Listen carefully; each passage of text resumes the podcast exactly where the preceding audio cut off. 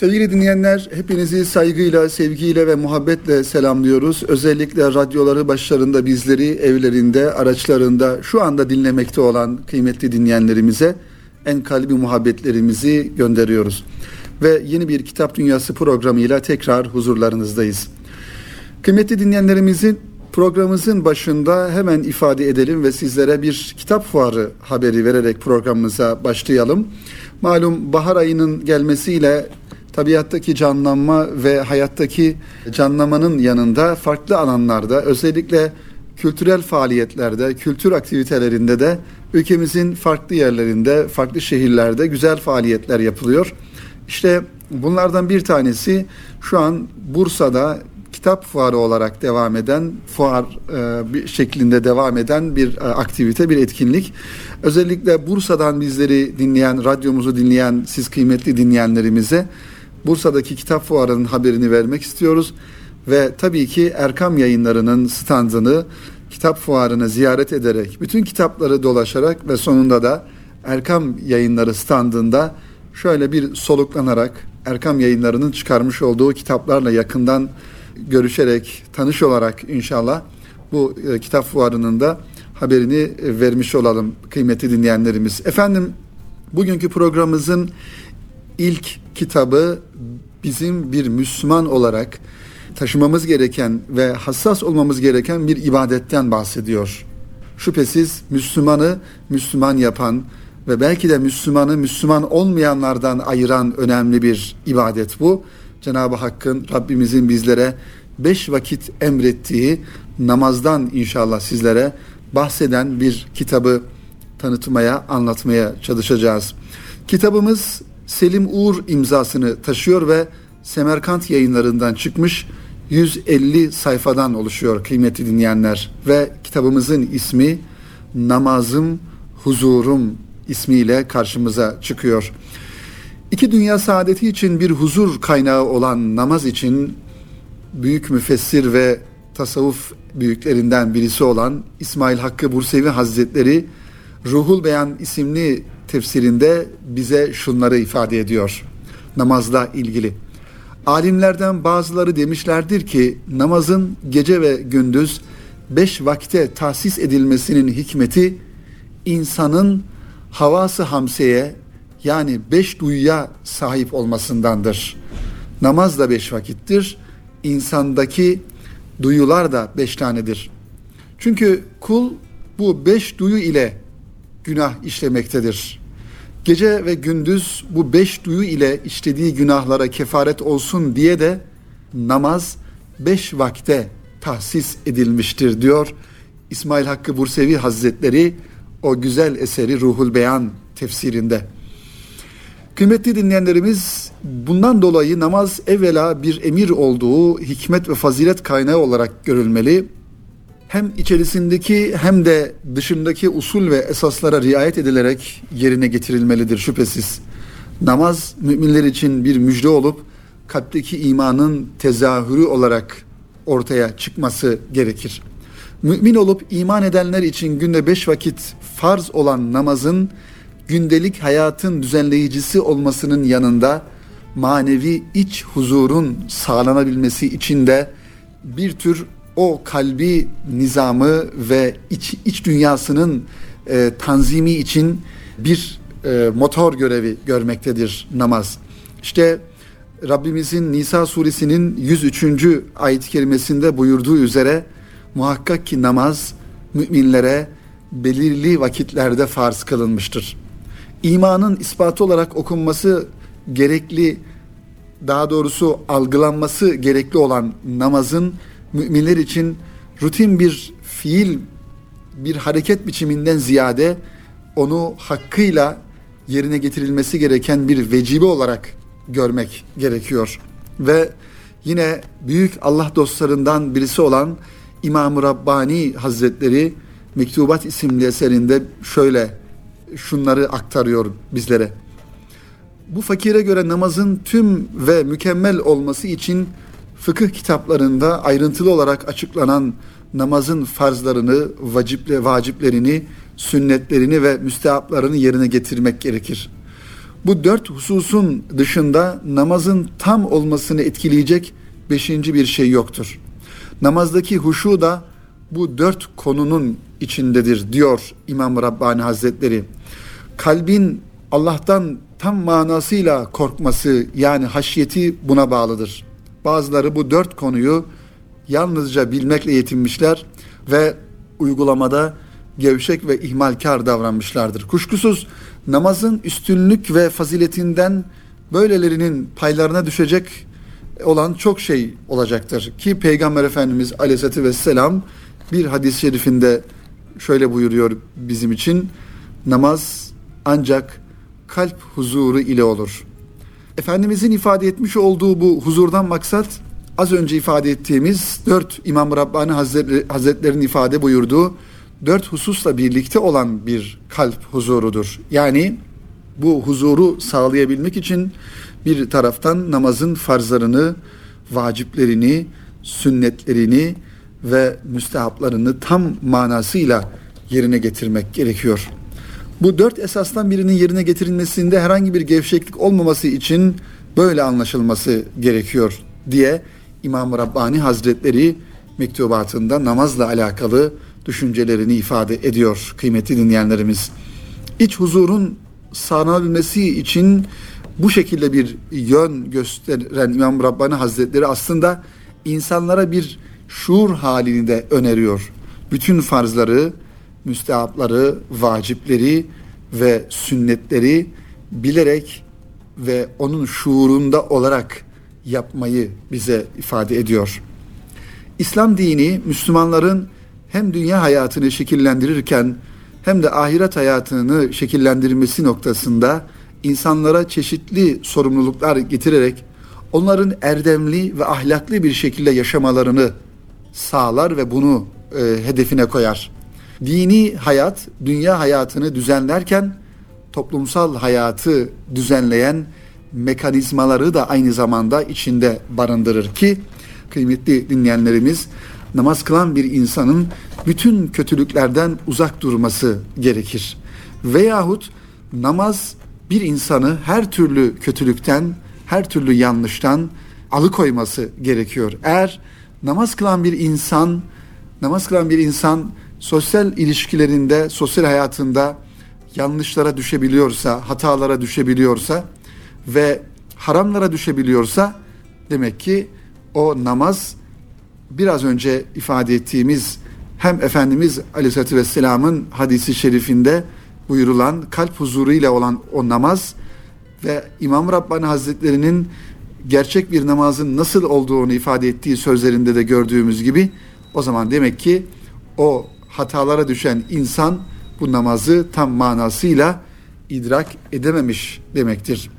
Toplumsal uyum ve toplumsal birlikteliğin sağlandığı mekanlar olarak yapılan camiler asr-ı saadet döneminden günümüze kadar birçok faaliyetin yapıldığı yerler olarak tarihte yerini almıştır. Camiler cemaatleriyle hayatta kalan mekanlardır. Kulluk vazifelerini yerine getirmek için bir araya gelen insanlar, Müslümanlar dünyevi işlerini dışarıda bırakarak ibadet etmenin tadına varırlar veya varmalıdırlar. Bu şekilde ibadet etmenin ahlakını da aynı zamanda Müslümanlar namaza gelerek camiye ve cemaate katılarak öğrenirler. İşte başta da ifade ettiğimiz üzere kıymetli dinleyenlerimiz Selim Uğur Bey'in Semerkant yayınlarından çıkan bu kitabı Namazım Huzurum isimli bu eseri namazı tüm yönleriyle ayrıntılı bir şekilde ortaya koyarken namazın İslam için ne anlama geldiğini de aktarmaktadır. İnsan nisyan ile malüldür. Sözünce namaz hakkında bazı bilgileri uyarı mahiyetinde tekrar ederek önümüze koyan Selim Uğur Bey ayrıca caminin ve ibadetin toplumsal etkilerini de bu kitabında işleyerek konuya farklı bir yaklaşım ortaya koymuş. Namazım Huzurum isimli eser namazın bir iç huzur sağlamasının yanında toplumsal huzuru da sağlayan önemli bir ibadettir. Farzlar dışında sünnet olan, vacip olan namaz biçimlerini de bu kitapta yer verildiğini görüyoruz kıymetli dinleyenlerimiz. Elbette ki namazla alakalı bizim literatürümüzde yayınları arasında belki yüzlerce, binlerce kitap olduğunu ifade edebiliriz. Ancak kıymetli dinleyenlerimiz bir Müslümanın namazı en güzel şekilde öğrenebileceği kaynaklar arasında iki tane birincisi Kur'an-ı Kerim başımızın tacı hayat rehberimiz Kur'an-ı Kerim gelmekte. İkincisi ise ve daha açıklayıcı, daha tafsilatlı namazın şuuruna ererek, namazın derinliğine inerek Peygamber Efendimiz Aleyhisselatü Vesselam'ın namazının nasıl olduğunu öğrenebileceğimiz onun yine güzel hadisi şerifleri ikinci kaynak olarak biz bunu ifade edebiliriz kıymetli dinleyenler. O yüzden namaz Efendimizin de hadis-i şerifinde buyurduğu üzere müminin miracı olarak bize sunulduğuna göre her vakitte Cenab-ı Hak'la buluşma, bir vuslate erme, bir tövbe istiğfar kapısına gelme ve namazı da bu şekilde bir Rabbimize sığınma e, merciği noktası zamanı olarak görmek lazım. Ve bütün dünyalık hislerimizden, duygularımızdan, heveslerimizden bir an olsun o namaz vaktinde arınarak, onları arkada bırakarak Rabbimizin huzuruna selim bir kalple, temiz duygularla durarak o temizliğimizi, o duygu berraklığımızı namazdan bir sonraki namaz vaktine kadar taşıyabilmek ve beş vakit bu şekilde bir deveran içerisinde bunu yaşayabilmek ve tabii ki hayatımızın her anına, her zamanına bir namaz şuuru, bir namaz e, lezzeti, bir ibadet lezzetini hayatımızın her anına yayabilmek asıl önemli olandır. Aksi takdirde namazı bir vazife, bir görev e, olarak bilip sadece teknik anlamda şekli olarak yerine getirip ondan sonra da o namazın bize öğretmesi gereken her şey namaz kıldığımız yerde kalırsa o namazdan ne bize ne de sosyal hayatımıza ne de topluma bir fayda gelmez şüphesiz. Onun için aslında namaz bizim toplum hayatımızda örnek bir insan olabilmemiz, güzel bir Müslüman olabilmemiz için bizim mevzimizde, kendi iç dünyamızda o huzuru yakalayabilmemiz için var olan bir ibadettir ve o huzuru aynı şekilde dışarıya taşırmak, etrafımızda etkimizin altında olan yani çevremizde olan insanlara da o huzuru taşımak namazın en önemli maksatlarından birisi olsa gerek kıymetli dinleyenlerimiz. Efendim bu namazla alakalı kitabımızı da inşallah programımızın ilk e, kitap olarak sizlere takdim ettikten sonra şimdi ikinci kitabımıza geçiyoruz. İkinci kitabımız da güzel bir namaz ehlinin, güzel bir insanın hatıralarından oluşuyor. Aslında bu kitabın e, yayın tarihi e, bayağı bir eski kıymetli kitap dostları. Ancak e, güzel şeyleri hatırlatmak ve güzel şeyleri çoğaltmak için de tarihine ne zaman yayınlandığına bakmadan bu güzel kitabı da sizlerle paylaşmak istiyorum. Bu kitap e, bir dönem kaynak yayınlarından çıkan ve Ertuğrul Düzdağ hocanın hazırlamış olduğu Ali Ulvi Kurucu hocanın hatıralarından oluşuyor. Ve kitap dört ciltten müteşekkil Hatıralarım ismini taşıyor. Ali Ulvi Kurucu Hoca Efendi'nin o güzel hayatından bize akseden, e, bize yansıyan e, o güzellikleri bu kitapta bulabiliyoruz.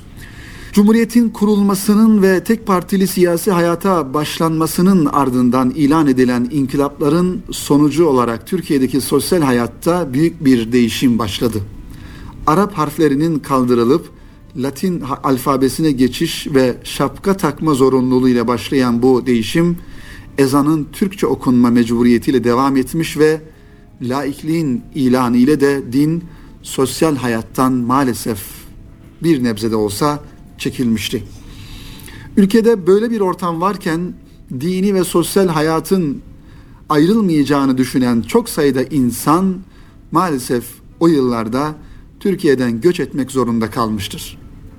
Yani yaşamış olduğu kendi kendi vatanında, kendi ülkesinde hani Üstad Necip Fazıl'ın ifade ettiği üzere öz vatanında garipsin, öz vatanında parya gibi aynı şekilde parya bir şekilde yaşama mecburiyetinde bırakılan özellikle bahsedilen o Cumhuriyet'in ilk yıllarındaki yönetim şeklinden halka dini anlamda yapılan baskılar neticesinde maalesef o zaman birçok insan gerek kendi ülkesinde tutsak bir şekilde dini hayatını belki gizli bir şekilde yaşayarak e, hayatını sürdürmeye devam etti.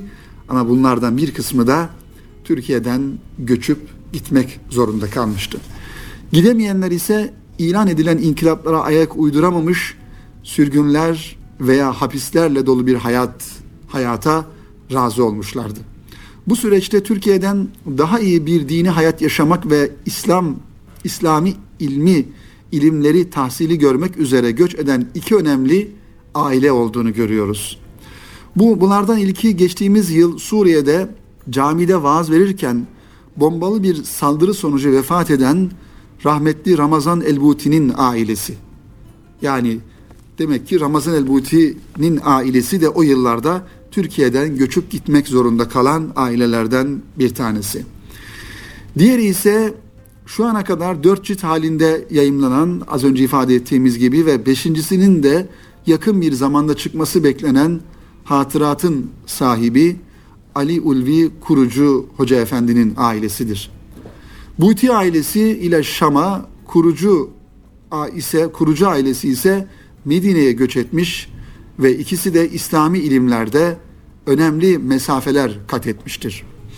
Ramazan el-Buti bahsini başka bir zamanda inşallah anlatmaya çalışırız. Onun kitaplarını da önemli bir kitabı var malum hemen zikredelim. Ramazan el-Buti'nin Fıkıh Sire isimli belki de yazılmış olan Efendimiz Aleyhisselatü Vesselam'ın hayatını anlatan o siyer kitapları içerisinde en önemlilerindendir dersek yanılmış olmayız.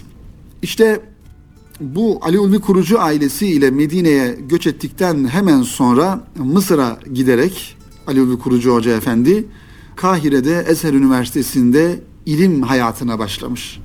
Babasının vefatı üzerine ise Medine'ye tekrar dönmüş. Bir süre çeşitli işlerde çalışan kurucu Hoca Efendi Medine'de Mescid-i Nebevi'nin yanındaki Osmanlı Vakfiyesi bir kütüphanede emekliliğine kadar yöneticilik yapmıştır. Hatıralarına çocukluğu ile başlayan Alevi kurucu 1900'lü yılların başındaki Konya'nın sosyal hayatı ve gerek siyasi gerekse ilmi anlamda şehirde yeri olan insanlar ile ilgili önemli bilgiler vermektedir. Önemli alimler arasında yer alan dedesi Hacı Veys Efendi ve amcası Hacı Veyszade Mustafa Efendi, Cumhuriyet döneminin ilk Efkaf Nazırı olan aynı zamanda bir tefsir de telif eden Mehmet Vehbi Efendi bunların arasında bulunmaktadır. Ezher'de önemli İslam alimlerinden dersler alan Aliyevi Kurucu Hoca Efendi, bunlar arasında yer alan Osmanlı'nın son Şehül İslamı Mustafa Sabri Efendi ve onun yardımcısı Zahit Kevseri ve Yozgatlı İhsan Efendi ile ilgili hatıralarını anlatırken okuyucuya bir manada alternatif bir tarih bilgisi de veriyor. Eserin ikinci kısmında ise kurucunun Medine hatıraları var. Ali Ulvi Kurucu Hoca Efendi bu bölümde Medine ile ilgili önemli bilgiler verirken Türkiye'de hac yasağının kalkması üzerine hac farizasını yerine getirmek için mukaddes beldelere giden önemli isimlerle ilgili hatıralara yer veriyor. Amcası Hacı Veyszade'den Saadettin Kaynak'a kadar birçok kişi bu isimler arasında. Bu arada Ali Kurucu'nun hem şair olması hem de müzikten çok iyi anlaması sebebiyle hatıratta bu alanlarda yapılan ve okuyucuda derin teessüratlar bırakan sohbetlere de genişçe yer veriyor.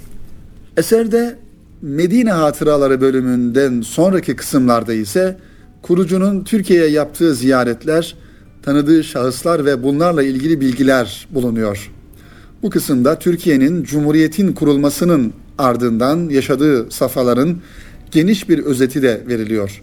Tek parti döneminin baskıcı politikaları, Demokrat Parti iktidarıyla nispeten yaşanan rahatlamalar, 1970'lerden itibaren ise çeşitli İslami hareketlerin yaptığı hizmetler, yeni bir neslin doğuşu ve İslam'ın yeniden yükselişi, Müslümanların inançlarını yaşamasının önündeki engellerin kaldırılması, kurucu bütün bunlara şahitlik ediyor ve son yıllarda Türkiye'de yetişen Müslüman neslin kabul edilmiş duası olduğunu vurguluyor. Eser yakın tarihle ilgili birçok eseri yayın hayatına kazandıran Ertuğrul Düzdağ Hoca tarafından yayına hazırlanmış. Düzdağ Medine'ye giderek uzunca bir süre kurucu Hoca Efendi birlikte kalmış ve aldığı ses kayıtlarının deşifre edilmesi suretiyle eseri meydana getirmiş. İşte 2004 e, yılında vefat eden kıymetli dinleyenlerimiz Ali Ulvi Kurucu Hoca Efendi'ye de bu vesileyle bir Fatiha okuyalım ve Rabbimizden kendisine rahmet dileyelim inşallah. E, böylelikle de Ali Ulvi Kurucu Hoca'nın hatıralarını ihtiva eden dört ciltlik kitabı da mutlaka genç kardeşlerimize özellikle genç kardeşlerimize okumalarını ve bir peygamber aşığının Medine'de, Mekke'de o civarlarda Efendimizin o manevi manevi makamında e, yaşayan bir peygamber aşığının o güzel hatıralarını, zaman zaman şiirlerini ve dünya genelindeki Müslümanlarla ilgili fikirlerini de bu kitap vesilesiyle inşallah öğrenmiş oluruz bu kitabı okuyanlar olarak. Kıymetli dinleyenler zaman zaman programımızda isimlerini zikrettiğimiz özellikle yakın e, döneme, Cumhuriyet dönemine bizim düşünce dünyamızda iz bırakan insanlardan bir tanesi Üstad Necip Fazıl. Necip Fazıl Üstad'ın Büyük Doğu yayınlarından e, hala devam eden e, kitapları gerek oğlu ve torunu tarafından devam ettirilen kitapları bir külliyat halinde yayınlanıyor. Tabii Necip Fazıl ve Necip Fazıl gibi topluma mal olmuş, bize mal olmuş, kendi şahsi durumundan da öteye geçmiş olan e, Necip Fazıl ismi, Necip Fazıl markası diyelim olduğundan dolayı bu anlamda onun kitaplarını herhangi bir yayın evinin reklamını yapmak ve da onun kitaplarını reklam yapmak anlamında e, burada ifade etmediğimiz şüphesiz anlaşılıyordur. Onun için e, zaman zaman kitap sohbetlerinde, kitap muhabbetlerinde, kitap dostlarıyla konuştuğumuz zaman e, şu ifadelere yer verdiğimiz oluyor. Bir zamanımızda bir Müslüman gencin ya da bir Müslümanın evinde bulunması gereken başta tabii ki bir tefsir olması gerekiyor. Bir hadis kitabı güvenilir kaynaklardan bir hadis kitabı ve açıklamasıyla beraber olması gerekiyor. Bir ilmihal kitabı olması gerekiyor ve bir de diyelim ki e, sözlük olması gerekiyor. Bunların dışında bir de bizim zihin dünyamızı öğren, bizi etki eden, kitlelere, toplumlara etki eden insanların insanları sıralayacak olursak Necip Fazıl Üstad'ın kitaplarının mutlaka bir evde olması gerekiyor. Yeni nesillerin bu kitapları okuması gerekiyor. Yine Üstad Sezai Karakoç'un kitaplarının olması gerekiyor.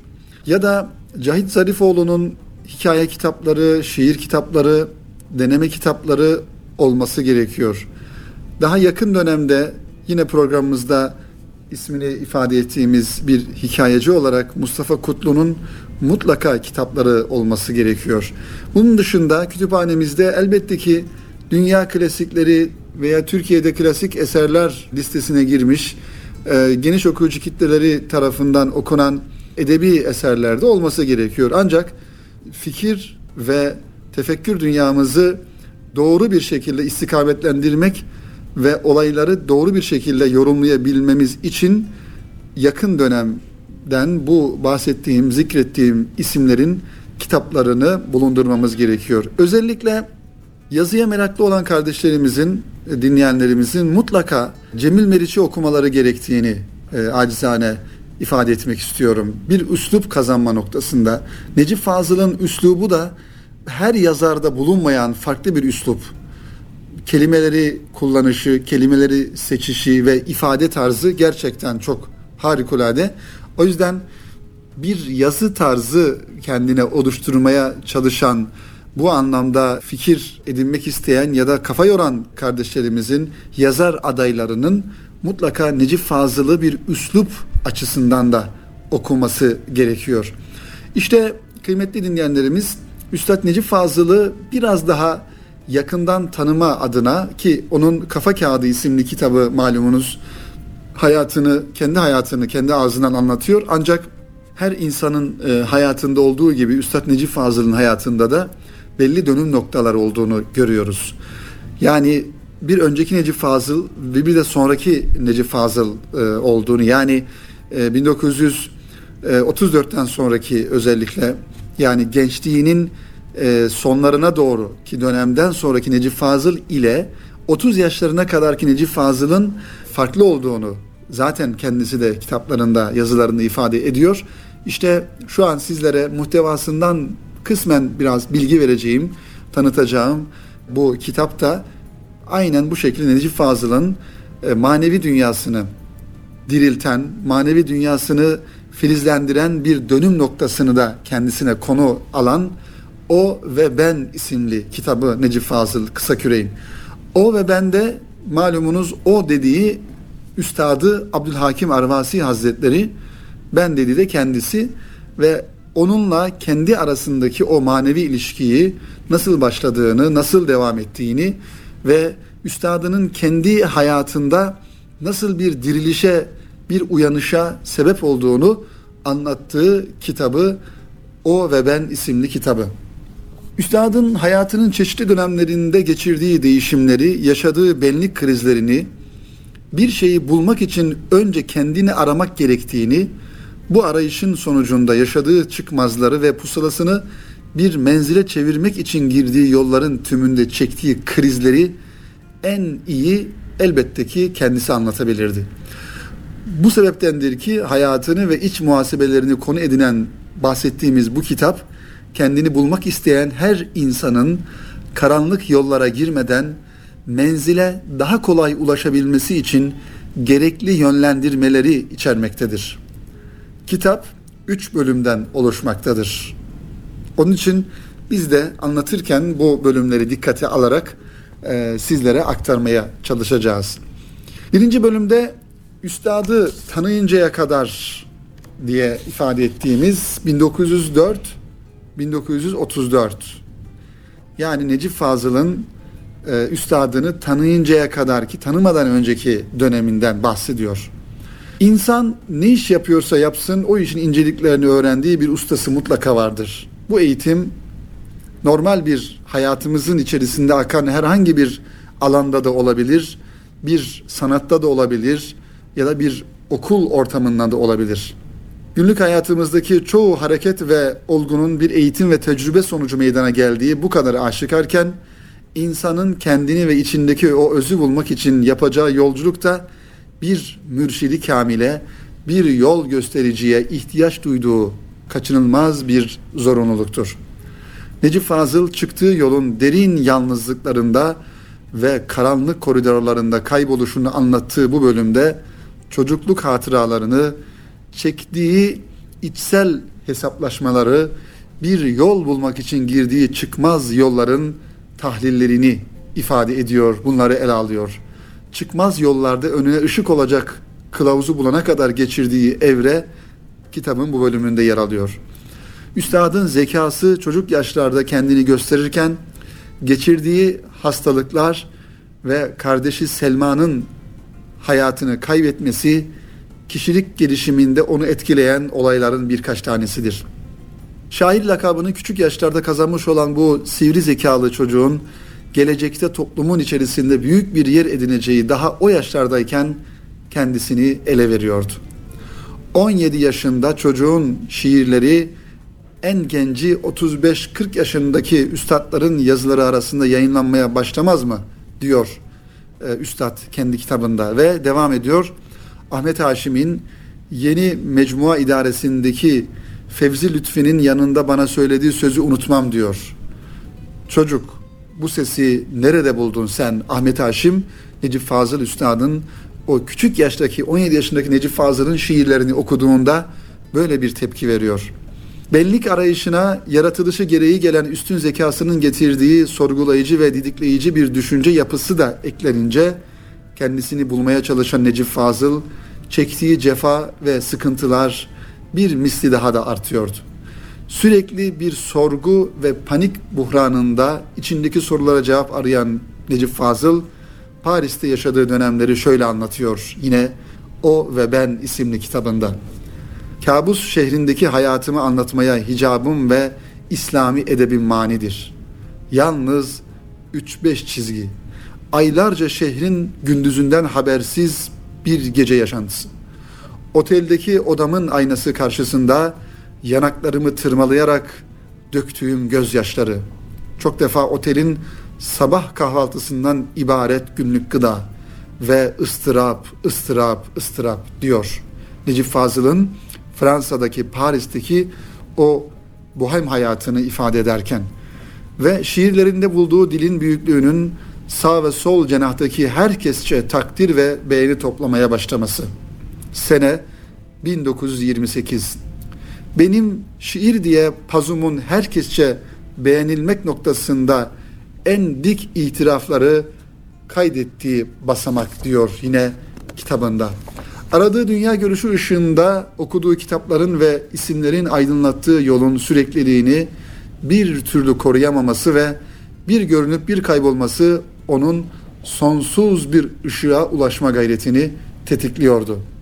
Büyük mustariplerden Pascal, Baudelaire, Tolstoy ilki insan tefekkürünü zorlaya zorlaya işi peygamberlerin eteğine yapışmakla bitirmiş, kapkaranlık bir çile deminde birdenbire parlayan bir alevle karşılaşmış ve sonunda filozofların bahsettiği değil, peygamberlerin haberini getirdiği Allah diye haykırmış. Üstadın bohem hayatı diye adlandıracağımız ve Müslüman şuuruna belki kazanmadan önceki dönemde döneminde kurtulamadığı en büyük zaaflar hakkında bir takım kendine ait yorumları da bu kitapta karşımıza çıkıyor. Ve 1934 1943 yılları arası yani Üstadı Abdülhakim Arvasi Hazretlerini tanıdıktan sonraki dönem. İnsanoğlu belirli bir olgunluğa eriştikten sonra hayatının temel dinamiklerinde oluşan parazitlenmenin etkisiyle adını bilmediği bir yolculuğa çıkabilir. Bu yolculuk süresince acının azalmadan sürekli artması ve kapısını çaldığı her durağın yeni bir kapıya yönlendirmesi son kapıya kadar devam edebilir. Vehim ve kuşku girdabında kendi özündeki aşikar doğruları bile sorgulama noktasına gelen insan zihnin kalıplarının sonsuz evreni anlamada yetersiz kaldığını acı bir tecrübeyle fark eder.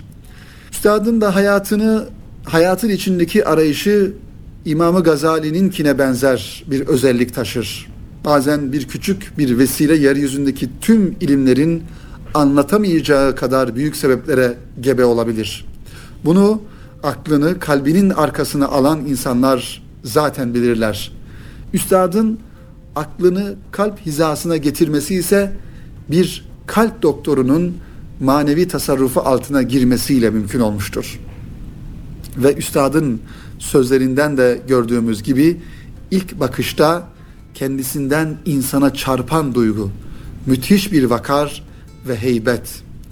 Gözleri, sözleri daima baktığı şeylerin ilerisindeki, ötesindeki bir görünmese bakan gözleri üzerimizde diyor üstadı için. İşte ateşten harflerle beynimi dağlayarak söyledikleri ilk fikir. Bu iş kitaplı olmaz, akılla da varılmaz. Hiç yemeğin lezzeti çatal bıçakla aranıp bulunabilir mi? diyor Üstadı Abdülhakim Arvasi. Abdülhakim Arvasi Hazretleri ile tanışıklığının ardından artan vehim ve uykusuz geceleri sonradan gelecek aydınlık yarınlarına ulaşmak için bir dönüm noktası oluyor.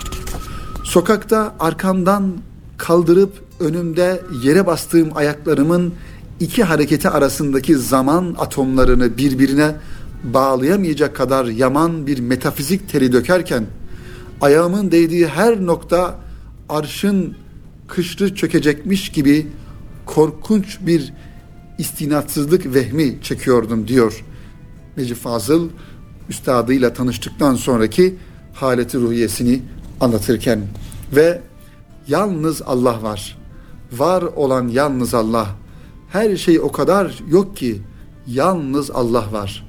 Allah öyle var ki kendisinden başka hiçbir şey yok diye bu düşüncelere geliyor. Aradan geçen iki yıl ayrılıkta üstadın adını koyamadığı bir birleşme onu tekrar Arvasi Hazretleri'nin kapısına yönlendiriyor. Bir irşat ediciye varılmadan olmaz. Yollara düş, bucak bucak ara ve irşat edici, edicini bul diyor Üstad Necip Fazıl. Artan ziyaretlerle beraber gelen artan hastalıklı düşünce bulamacı geçmişteki yaşanmışlıkların belki de bir kefaretiydi. Ancak iki gönül arasındaki muhabbet tohumu çoktan sulanmaya başlamıştı. Eli yanan adam onu soğuk suya sokunca ne olur? Acı kesilir. Gel de çıkar şimdi elini sudan. Acı bin misli artacaktır. Ben de öyleyim. Onu görünce uyuşuyorum, hafifliyorum. Fakat ayrılır ayrılmaz acı çekiyorum diyor Üstad Necip Fazıl üstadı ile ilgili. Ve o günden beri yani 1943'ten beri vefatına kadar belki Üstad bu bölümde ise mürşidi yol göstericisinin ardından geçen zahmetli ve hapishanelerde geçen hayatını anlatmakta. Mürşidine olan özlemini, ardından şekillenen dünya görüşünü bir ideolojiye oturtmasını, Büyük Doğu düşüncesinin temellerinin nasıl oluştuğunu ve devrimci, mücadeleci kişiliğin izlerini bizlere anlatıyor ve bu sayfalarda bunları buluyoruz kıymetli dinleyenler.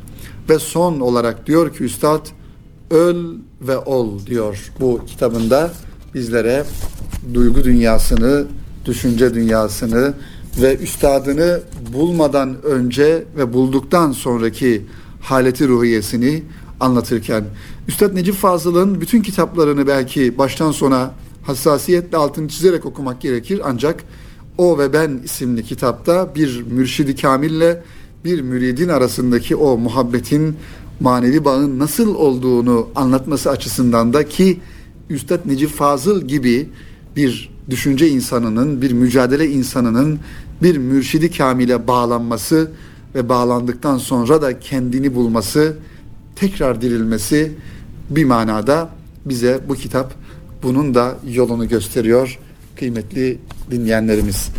Efendim bu hafta da bizden bu kadar. İnşallah birkaç kitabımız daha vardı önümüzde ancak onları önümüzdeki haftaya saklayalım. Zira süremizin sonuna gelmiş bulunuyoruz. İnşallah önümüzdeki hafta yeni kitaplarla, yeni e, konularla huzurlarınızda olmayı ümit ediyoruz. Önümüzdeki hafta cumartesi saat 17'de buluşuncaya dek hepinize hayırlı akşamlar diliyorum efendim. Hoşçakalın.